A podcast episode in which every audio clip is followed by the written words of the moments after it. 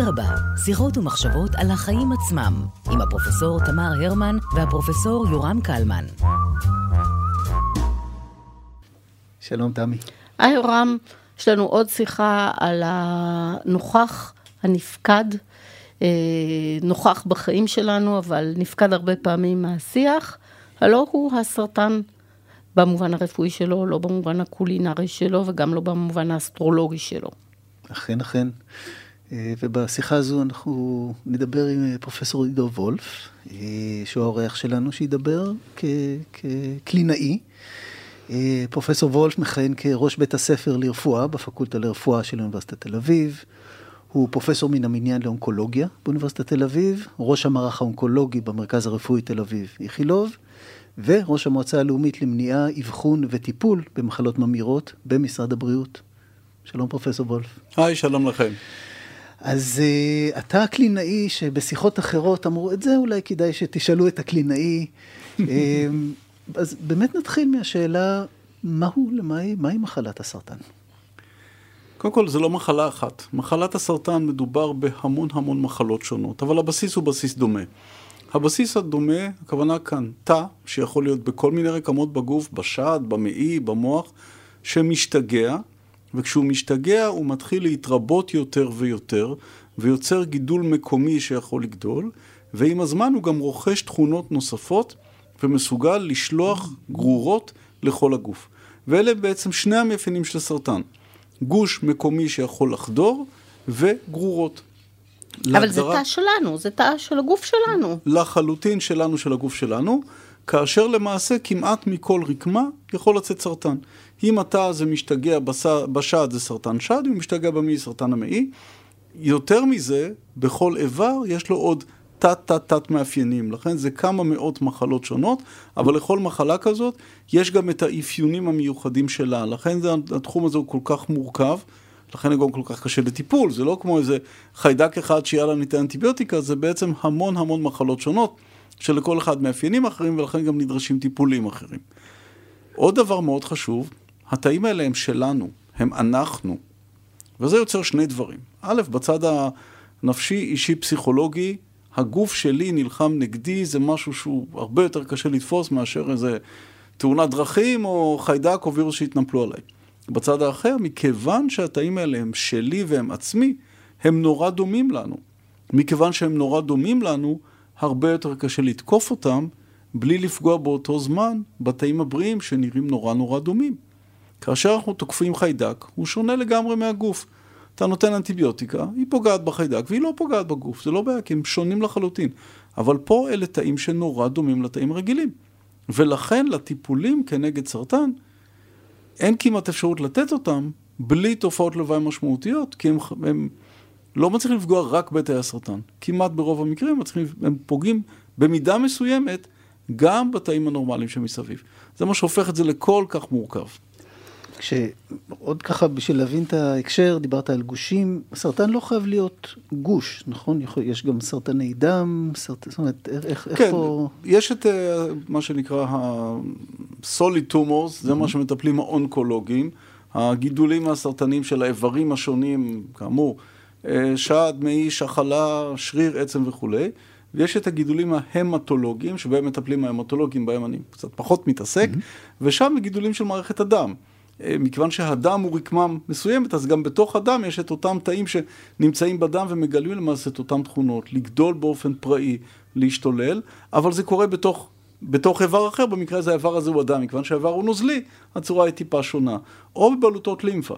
ואז אם זה בלוטות לימפה זה דומה קצת לגידולים המוצקים האחרים, כי זה פשוט גוש שהולך וגדל. מה ההסתברות הסטטיסטית היום של אדם בישראל לאורך חייו? לביקור אה, כזה ואחר של אחת ממגוון האפשרויות הקוסמות שציינת? אה, השאלה מה הסיכוי לחלות בסרטן היא שאלה בעייתית, מסוכנת, מפחידה. ומה הכוונה? כולנו שומעים את הסטטיסטיקה, אחד משש, אחד משבע, אחד משמונה. הכל נכון והכל לא נכון. כאשר מדברים על הסיכוי לחלות בסרטן לאורך כל החיים, לאורך כל סוגי הסרטן, בסוף זה אולי אחד מארבע או חמש. אבל ניקח למשל בחורה צעירה בת 35. האם הסיכון שלה לחלות בסרטן שד היום, כשהיא בת 35, הוא אחת משבע, אחת משמונה? ממש לא. תלוי מנשאי. ממש, ממש לא. הסיכוי שלה כרגע בגיל 35 לחלות בסרטן שד הוא אחד לכמה עשרות. ולכן כשמדברים כל הזמן 1 ל-7, 1 ל-7, 1 ל-8, כל המספרים האלה בכלל הגידולים, זו אמירה שהיא קצת פופוליסטית. וצריך נורא להיזהר ממנה כי היא נורא מפחידה את האנשים. אם את צעירה בת 35 או אתה צעיר בן 40, הסיכוי שלך היום, נכון להיום, לחלות בסרטן, הוא בסופו של דבר נמוך, נמוך מאוד אפילו. יש כמובן את החריגים, מצבים גנטיים וכולי, אבל אלה מצבים יחסית נדירים שעליהם עושים מעקב מיוחד. אבל באופן כללי האוכלוסייה צריכה לזכור, אם תגיע בשלום לגיל 90, הסיכוי שתחלה בסרטן עד גיל 90 הוא 1 ל-3 או 4, תלוי בסטטיסטיקה. וסרטן היא קודם כל ומעל הכל מחלה של הגיל המבוגר, לא של צעירים. חלק מתהליכי הזדגנות של הגוף יכול להיגרם הסרטן. אותה, נקרא לזה, תהליכי בלאי מסוים בתאים, הם אלה שגורמים לזה. ולמעשה, ככל שאנחנו מאריכים חיים, וככל שהקרדיולוגים עושים עבודה יותר טובה, נראה יותר שתי מחלות. נראה יותר סרטן, ונראה יותר מחלות נוירולוגיות כמו אלצהיימר וכולי. זאת אומרת, מי שלא מת מהתקף לב בגיל 60, וטפו טפו הקרדיולוגים עושים עבודה נהדרת, יזכה להגיע לגיל המבוגר, ובגיל המבוגר נכון להיום, או סרטן, או מחלות נוירודגנרטיביות. זה לבחירה. אז אם אנחנו בסטטיסטיקות, אז בואו, שהן כמובן מאוד בעייתיות, מה לגבי סיכויי ההחלמה? סיכויי ההחלמה. קודם כל טיפה מספרים, בישראל היום בערך 30 אלף איש מאובחנים בכל שנה עם סרטן, ויש לנו בערך 12 אלף אנשים שנפטרים מסרטן בכל שנה. בעבר, כשהיינו אומרים את המילה סרטן, זה היה אומר 50 אחוז תמותה. היום כאשר אומרים את המילה סרטן, מדובר על 20 אחוז תמותה. אחד מכל חמישה אנשים שיאובחן בסרטן, ימות מסרטן. בסופו לא, של דבר. בסופו של דבר. Okay. לא, אוקיי. לא חצי מהאנשים. שתי סיבות. סיבה אחת באמת שהטיפולים השתכללו, וסיבה אחרת, אנחנו מגלים הרבה יותר מדי סרטנים מיותרים שלא צריכים בכלל לגלות אותם. זה חלק מהרעה של המודרניות. מגלים המון המון סרטנים של בלוטת התריס, שאין להם שום משמעות למעשה, ואם לא היינו מגלים אותם לא היה קורה כלום. הרבה מאוד סרטנים של ערמונית למשל, שאין הרבה מה לעשות איתם. ככל שאנחנו עושים יותר ויותר בדיקות, שלפני 20-30 שנה לא עשינו, אנחנו מגלים הרבה יותר סוגי סרטן שלמעשה מלחיצים אותנו, אבל לא באמת באמת משפיעים על אורך החיים שלנו. אז יש פה, זה שני הדברים האלה ביחד. גם שיפור גדול מאוד של הטיפולים, לכן יש החלמה הרבה יותר גבוהה. מצד שני, סרטנים שהתווספו לסטטיסטיקה, אבל לא, לא באמת משמעותיים.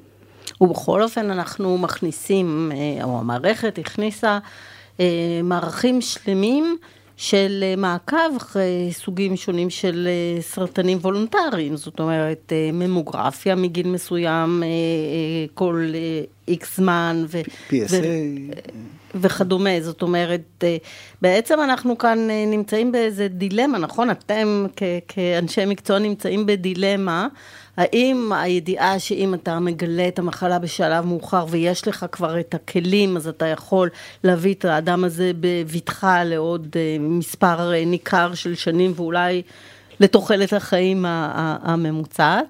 ומן הצד השני, א', יש לזה עלויות עצומות למערכת, ב', אתה אומר, יש over detection של, אה, של מחלות. איך זה מתיישב בתוך כל הסביבה הקוגניטיבית, הייתי אומרת, ואפילו הכלכלית של, ה, של העולם שאתה אה, מנהל אותו מכל מיני כיוונים? ההחלטה על הכנסת בדיקת סקירה היא החלטה מורכבת ביותר, שלוקחת הרבה מאוד שיקולים, כמו איכות הבדיקה, דיוק הבדיקה, מה המשמעות של תוצאה חיובית, אם יש לנו בכלל דרך לטפל, כי אם אין דרך לטפל אז אין מה לעשות את הבדיקה, מאיזה גיל להתחיל, מה הסיכון, ואפשר פה להעביר פודקאסט שלם. רק על הסטטיסטיקה שלפיה קובעים. אנחנו לא, אנחנו חוששים להרדים את הנוהגים נוותר. בדרכים. זה דווקא מרתק. אני בטוח. כן. אותי כן, אותנו כן. אותי הסטטיסטיקה. אה, אז ההחלטות הן לא שרירותיות. למשל בישראל, אה, ההחלטה היא להתחיל לעשות ממוגרפיה מגיל 50 ולא קודם. ויש הרבה קריאות, חייבים מגיל 30, מגיל 40, מגיל 45 וכולי. נורא קל לצאת בקריאות האלו. אבל כאשר אתה עושה את הניתוח המדויק, ובודק את המגמות המדויקות. אתה אומר, במדינת ישראל נכון להיום 50. או למשל סרטן מעי גס. גיל הסקירה בישראל הוא 50 ומעלה, כי זה הגיל שבו ראינו שהתועלת היא מקסימלית, ואז יש קריאות שאומרות בואו נוריד, נוריד, נוריד, נוריד, כי בעולם יש עלייה. אתה מסתכל איפה העלייה בעולם, בארצות הברית, באוכלוסייה של שחורים, עם כלכלה מסוימת, בכלל לא רלוונטי לאוכלוסייה שלנו. זאת אומרת, חייבים, ההתאמה של בדיקת סקירה חייבת להיות מותאמת למדינה הספציפית. למשל אצלנו, כן הכניסו בדיקת BRCA, שזה אותו גן שיכול לגרום לסרטן שעת שחלה, אה, בעיקר בנשים אשכנזיות. הכניסו את בדיקת הגן לסל, ומי שיש לה את הנשאות לאותו גן, כמובן אצלה כל הסטטיסטיקה משתנה והבדיקה היא שונה, אבל מי שאין לה את, ה, את אותו גן, לא צריכה להתחיל בגיל 30, 35 וכולי. לכן המטרה היא שגם בדיקות הסקירה יהיו מותאמות עד כמה שאפשר לחולה, או לפחות לסטטיסטיקה של המדינה ולנתוני המדינה. עכשיו אנחנו לקראת הכנסה של בדיקה חדשה, שהיא בדיקת CT אה, ריאות לכל מי שעישן. וגם כאן המדינה לא החליטה, יאללה בואו נכניס מיד לכולם וזהו. יש תהליך מאוד מורכב של פיילוט שנמשך שלוש או ארבע שנים, שכולל הכשרה של הצוותים, איך לקרוא את ה-CT, מה עושים כשהתשובה חיובית. האם עכשיו כשהתשובה חיובית החולה יכול ללכת לטייל חצי שנה בהפניות? לא. צריך לבנות מערכת שלמה, ולכן בנו את הפיילוט. לקראת, אני מקווה, 24, סוף שנת 24, יהיו מסקנות של הפיילוט, ואז הפיילוט נראה לא רק האם טוב או לא, אלא איך נכון ליישם. מה השרשרת הנכונה. זה לא רק בוא נעשה את הבדיקה. כי נניח שעשינו למישהו את הבדיקה, מישהו צריך לקרוא את הבדיקה, לזמן אותו לרופא ריאות, לעשות לו ביופסיה, מהביופסיה אולי לאונקולוג, ואם איזשהו חלק בשרשרת לא עבד, כל בדיקת הסקירה לא שווה שום דבר. לכן צריך לבנות את כל השרשרת בצורה מלאה, וזה תהליך מורכב. אנשים לא, לא מבינים, אומרים, בוא, בוא נעשה מיד CT לכולם. לא, לא. אפילו לפענח את ה-CT הזה דורש הכשרה מיוחדת, כי זה לא כמו קריאה של CT רגיל. לכן כל מיני דברים שנראים בעין אה, הפחות מתמצאת כ... יאללה, קדימה, בואו בלאגן, זה לא עובד ככה, והבלאגן פה יכול להיגמר באסון. יש לי שאלה, יש הרבה דיונים בקבוצות אה, מסוימות על כל הנושא של הקשר בין סגנון חיים או אורח חיים לבין הסיכוי לחלות במחלות מסוימות, וגם הסרטן נכנס לדברים האלה. הרבה כוסברה עוזר, אני מתכוונת בצורה כמובן אה, אירונית. האם יש איזשהו קשר בין אה, אורח חיים לבין ההסתברות אה, ללקוט בסרטן כלשהו לאורך הזמן? למשל, אנחנו יודעים שעישון הוא באמת בעייתי, אנחנו יודעים שהשמנה יש לזה כל מיני פעילות גופנית. אבל תזונה טבעונית למשל, הוכיחה את עצמה כיותר או פחות אה, רלוונטית לשאלת ההסתברות ה... לקבל סרטן. אנחנו יודעים שסטרס קשור הרבה במחלות קרדיולוגיות. מה זה אומר לגבי סרטן? כשהשורה התחתונה שלי, אנחנו יכולים לעשות משהו בכלל אה, כדי אה, להוריד את הסיכויים שלנו לאורך החיים? נתחיל מהחלק הראשון, את שאלת לגבי כוסברה, וכאן אני חייב להגיד משהו מאוד פרובוקטיבי, כוסברה זה טעים. זה העולם שיש... נחלק ל... נכון. לאנשים... לכן אני לא מפחד ממחלוקת כאן ואני מביע את דעתי בצורה נחרצת. אה, לגבי הסיכוי לסרטן, אנחנו יודעים שחלק מה...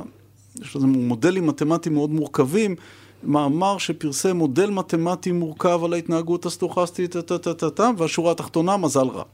מה הכוונה? כשיש לך מודל מתמטי מורכב שמסביר שבחלק מהמקרים אתה לא יכול לחזות את התפתחות הסרטן, אתה קורא לזה מזל רק, לא... כי זה קורה מתהליכים שאין לך שליטה עליהם. אז חלק מסוגי הסרטן הם כאלה שאין לנו שליטה עליהם, הם פשוט קורים מכיוון שהגוף שלנו הולך ומזדקן.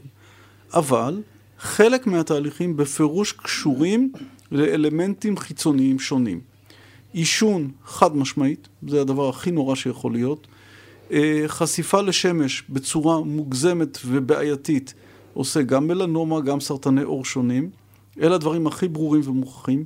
השמנה. השמנה בעולם המערבי ידועה כקשורה להרבה מאוד סוגי סרטן. השמנה שמובילה לסוכרת וכל המנגנון הזה של התסמונת המטבולית לא רק גורם להתקפי לב, אלא גם מעלה משמעותית הסיכוי לסוגי סרטן שונים. לכן הדברים הנכונים שצריך לעשות זה פשוט חיים, מה שנקרא חיים בריאים במידה. מה הכוונה? אה, פעילות גופנית, שמירה על משקל, כמובן לא לעשן, להיזהר בחשיפה לשמש, אלה הדברים הברורים והמוחלטים.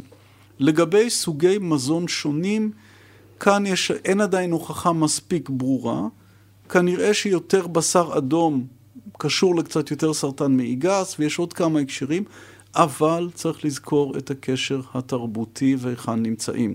כאשר מדברים על מדינה כמו טקסס, ששם אוכלים בשר אדום כל יום בקילוגרמים, זה סיפור אחד, וכאשר מדברים על ישראל, שבארוחת הערב אוכלים קצת שניצל, קצת פירה, קצת סלט, זה לא אותו דבר.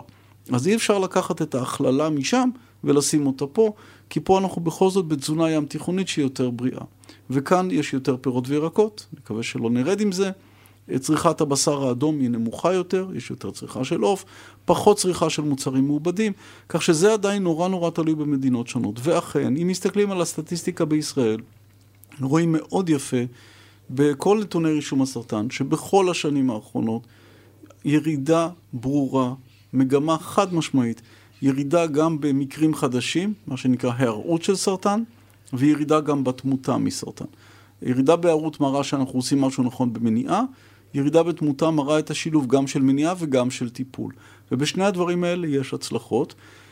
יש לנו עכשיו סכנות. אנחנו בכמה סכנות נורא נורא גדולות שאסור להתעלם מהן. סכנה אחת היא העידוד לסיגריות אלקטרוניות, שקורה לצערי גם בדרגים הבכירים ביותר של המדינה, כאשר מורידים עליהם את המס, ולוביסטים מגיעים לוועדות של הכנסת ומדברים בזכותן. הסיגריה האלקטרונית, כולם אומרים, היא לא מסוכנת, היא לא, אין לנו אותה מספיק שנים, אבל מה שהיא כן עושה, היא גורמת להתמכרות שיכולה לבוא אחר כך לסיגריות רגילות. אנחנו רואים עכשיו את המלחמה על מוצרי המזון. הורדת המס על המשקאות. הממותקים, מה שבהחלט מעודד אה, השמנה, בפרט באוכלוסיות חלשות, בפרט בפריפריה, וזה כבר הוכח שוב ושוב ושוב. בסופו של דבר אלה האוכלוסיות שיותר נפגעות מהשמנה וסוכרת. אנחנו רואים עכשיו דיונים שהיו, שאני מקווה שלא יקרו, על הורדת הסימון למוצרים שאינם בריאים, הסימון האדום. אה, כל הדברים האלה זו מלחמה יומיומית. כי תמיד יש בעלי אינטרסים שרוצים למכור עכשיו את הסיגריות שלהם. או למכור עכשיו את המשקאות הממותקים. ברור, הם רוצים למכור.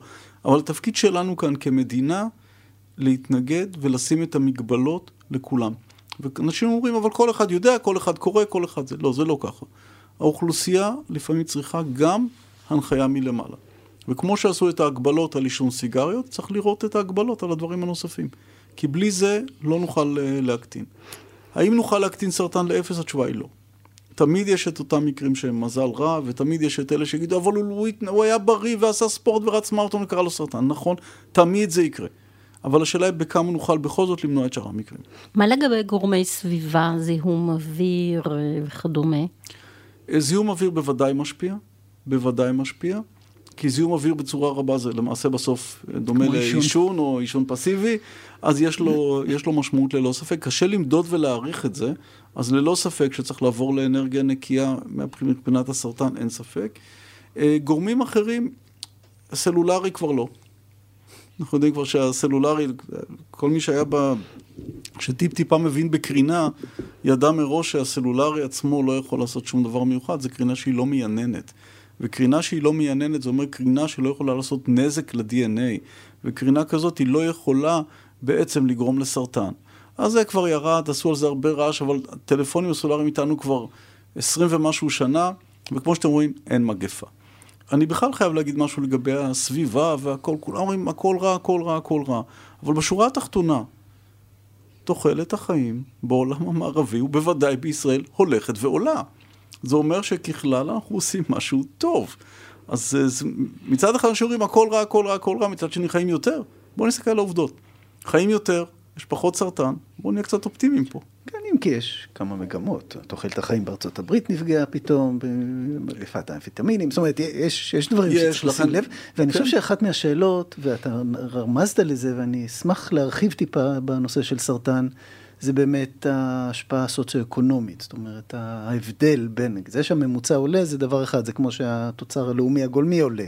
כן. אבל מה ההבדל פה בין החזקים לחלשים? האם באמת אה, השכבות הסוציו-אקונומיות הנמוכות יותר נפגעות יותר גם ממחלת הסרטן? בואו נתחיל מארצות הברית. כי ארצות הברית זו דוגמה נהדרת, זה ממש ניסוי מדהים איך אתה יכול לעשות מצד אחד את הרפואה הטובה ביותר בעולם, במרכזי המצוינות, בבוסטון, בלוס אנג'לס, באזורים מסוימים גם, אה, גם בתוך טקסס, בערים הגדולות, יש לך מרכזי מצוינות, ומסביבם אזורים ענקיים שאין בהם כמעט רופאים, שלא לדבר על אונקולוגיה. ואתה רואה פערים אדירים בתוחלת החיים בין מי שמקבל את הרפואה המודרנית והמשוכללת לבין מי שלא. וגם אותה מגפת אופיואידים פגעה באוכלוסיות מאוד מסוימות. וזה מראה בצורה הכי טובה את ההשפעה של החברה והמדיניות החברתית על הרפואה. אחד מגדולי הרופאים, אם לא ה... רודולף וירחוב, קבע לפני למעלה מ-20 שנה או קצת יותר, Medicine is a social science.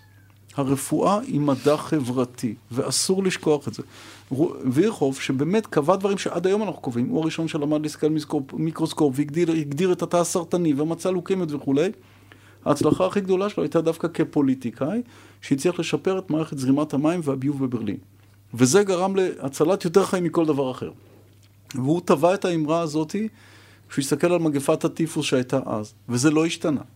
מגפת הטיפוס, מגפת האופיואידים, כאשר אנחנו לא תומכים בחלקים החלשים בחברה, בסופו של דבר נראה מיד את האפקט. וגם בישראל, תוחלת החיים בפריפריה נמוכה יותר מאשר תוחלת החיים במרכז. הנגשת שירותי הרפואה, לא רק בהקשר של אונקולוגיה, נמוכה יותר בפריפריה לעומת במרכז. אנחנו יודעים את זה. ישראל יחסית מצבנו טוב כי יש לנו ביטוח בריאות אוניברסלי לכולם, הכל נגיש לכולם, הכל נגיש בתחום האונקולוגיה, הכל נגיש בחינם. אז בכלל אין לנו כאן דילמה. כל חולה סרטן בישראל יכול לבחור לאן להגיע ויכול לקבל את כל הטיפול הכי טוב שיש, באמת ברמה של המרכזים הכי גבוהים בארצות הברית, כך שככלל המצב כאן הוא מצוין, ועדיין מה שרואים בחלק מהמקומות בפריפריה לא משתווה למה שרואים במרכז, כי עדיין גם כאן שהמערכת היא שוויונית, אוניברסלית, כוללת בחוק, עדיין הפערים קיימים. וזה באמת חשוב להשוות לארה"ב, כי אנחנו הרבה פעמים הולכים בעקבות הפערים של ארה"ב, וזה נכון, זאת אומרת, זה הסיפור של הרפואה הציבורית שכולנו לוקחים כמובנת מאליה, אה, למי שלא חי תחת אה, מערכת אחרת, אה, פשוט לא, קשה להאמין כמה פערים יכולים להיות עצומים. בתחום שלך, וזה נסתכל צופה פני עתיד, הסברת לנו שאנחנו נתבגר יותר, ואז נצטרך לבחור בין שתי רעות חולות, אם בכלל תיתן, תנתן לנו זכות הבחירה. לאן אתה רואה זה הולך, הכיוון שאתה כל כך אה, טורח עליו ומפתח אותו, והאם למשל בעתיד הכימותרפיה תיעלם והכל יהיה אימונותרפיה או, או טיפולים ביולוגיים אחרים, האם הניתוחים יוחלפו על ידי טיפולים מסוגים אה, שונים, זאת אומרת, תתפרע איתי ל...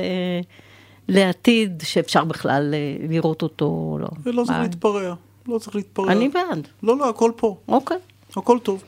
Uh, המהפכה הגדולה ביותר שהולכת לקרות, ואני מקווה שתקרה כבר בחודשים הקרובים, היא ההכנסה של בדיקות דם לאבחון מוקדם של סרטן. Uh, הבדיקות האלו ייכנסו בהתחלה באופן uh, פרטי כמובן וחלקי, ולאט לאט ככל שדרגת ההוכחה תצטבר והטכנולוגיה משתפרת במקביל, הם ייכנסו כשגרה לכולם. זה לא יקרה בשנה הקרובה, אני מניח לקראת 26 זה בטח כבר יקרה. המשמעות היא שכל אחד מגיל מסוים יעשה פעם בשנה, שנתיים בדיקת דם, שיכולה לאבחן בבדיקת דם אחת פשוטה, נכון להיום 50 סוגי סרטן. זה אומר שאנחנו נוכל להציע את זה לכלל האוכלוסייה ולקבל אבחון הרבה יותר מוקדם של רוב סוגי הסרטן. ברגע שזה יקרה, כבר נתח גדול מאוד של הסרטנים יטופלו. עדיין השיטה הכי טובה היא השיטה הכי ברברית, לחתוך. אז עדיין ניתן יהיה לחתוך, אם כי בניתוח יותר קטן, עם פחות תופעות לוואי, פחות סיבוכים. ו... מעניין, כי כשאתה חותך, אז אה, זהו, הוצאת את ה... אם הוא קטנצ'יק, אז כן. את הדיבוק? אם הוא קטנצ'יק, אז כן. זה כל העניין. אז ברגע שתהיה בדיקת דם הזאתי, והיא כבר, כבר קיימת. Mm-hmm. משתמשים בה, יש עליה מחקרים, ולקראת סוף השנה תיכנס לישראל. היא ודומות לה, וגם הטכנולוגיה הולכת ומתפתחת, כך שהרגישות הולכת ועולה. אז קודם כל זו תהיה המהפכה הראשונה. ולא צריך להתפרק כי זה כבר פה. וזה מדהים. זה מדהים כי זה יעשה מהפכה אמיתית בעולם האונקולוגיה. הרבה מאוד אנשים יאובחנו בשלב הרבה יותר מוקדם. אז זה דבר ראשון. הדבר שני, יש כמובן את כל ההתפתחות של הטיפולים, והם ימשיכו להתפתח, ואנחנו נגיע ל... כבר עובדים על זה במעבדות, על היכולת לתקן את התא הסרטני, אבל בתוך הגוף. להזריק את אותה מערכת שנקראת קריספר, זה השם שמדברים עליו. מזריקים אותה לתוך הגוף, היא תגיע לתא הסרטני ותתקן אותו. אנחנו כבר בכיוון לשם, לכן זה לא צריך להתפרע, כי היכולת להזריק מערכות אה, שעושות שינויים, כבר בחנו אותה. כולנו קיבלנו את החיסון לקורונה, שהוא בדיוק זה, אותם ננו פרטיקלס שמכילים בתוכם רכיב שיודע לעשות שינויים מסוימים, במקרה הזה זה RNA ולא DNA, אבל זה, העסק כבר פה, אז זה כבר לא כל כך להתפרע. עכשיו, צריך ללמוד עוד דברים, להכניס לתוכו מערכת הרבה יותר מורכבת. זה לא רק אותו RNA קטן, פה זה מערכת הרבה יותר מורכבת של, אה, של הינדוס DNA, ולכוון אותה בדיוק לתאי הסרטן, אבל הכל בעבודה, הכל כבר עובדים עליו גם במעבדות אצלנו באיכילוב, אוניברסיטת תל אביב, עובדים על זה, ולכן זה, אנחנו כבר רואים שתוך כמה שנים זה יהיה הכיוון. הכימותרפיה תישאר, כי הכימותרפיה בסופו של דבר מעולה, אבל גם היום אנחנו, הרבה תרופות חדשות הן כימותרפיות, אבל הן מגיעות ישירות לגידול, כי מחברים אותן לנוגדן שלוקח אותן ישירות לגידול והן לא מסתובבות בכל הגוף. אז זה הופך אותן גם להרבה יותר יעילות וגם לפחות רעילות. עדיין אין תחליף לכימותרפיה כהרג של תאים סרטניים. אז גם הרבה מאוד מהמערכות העתידיות יתבססו על כימותרפיה. אבל אם היא תגיע כמעט אך ורק לתא הסרטני, כמו שכבר קורה, זה יהיה נהדר. ואם נסתכל על סל הבריאות האחרון, שש התוויות שונות או משהו כזה שאושרו, זה בדיוק דבר כזה. כימותרפיה שקשורה לנוגדן שלוקחת אותו לגוף. אז זה גם כן, זה כבר לא איזה... הרעלה כללית. כן, בדיוק, וזה גם לא להתפרע על העתיד, זה עכשיו, זה פה איתנו. In this happy note, אנחנו מאוד מודים לך שבאת, גם על התפיסה היותר אה, כללית שלך, גם על המידעים המאוד ספציפיים. ואנחנו uh, מקווים שאתה ואנשי המקצוע שלך בסופו של דבר תישארו מובטלים, אבל זה לא יקרה. אני מניחה לפי מה שאתה מספר, יותר טוב לחיות הרבה, ומתישהו להיפגש עם זה בתנאים הרבה יותר טובים. תודה לך, תודה רבה, תודה לכם.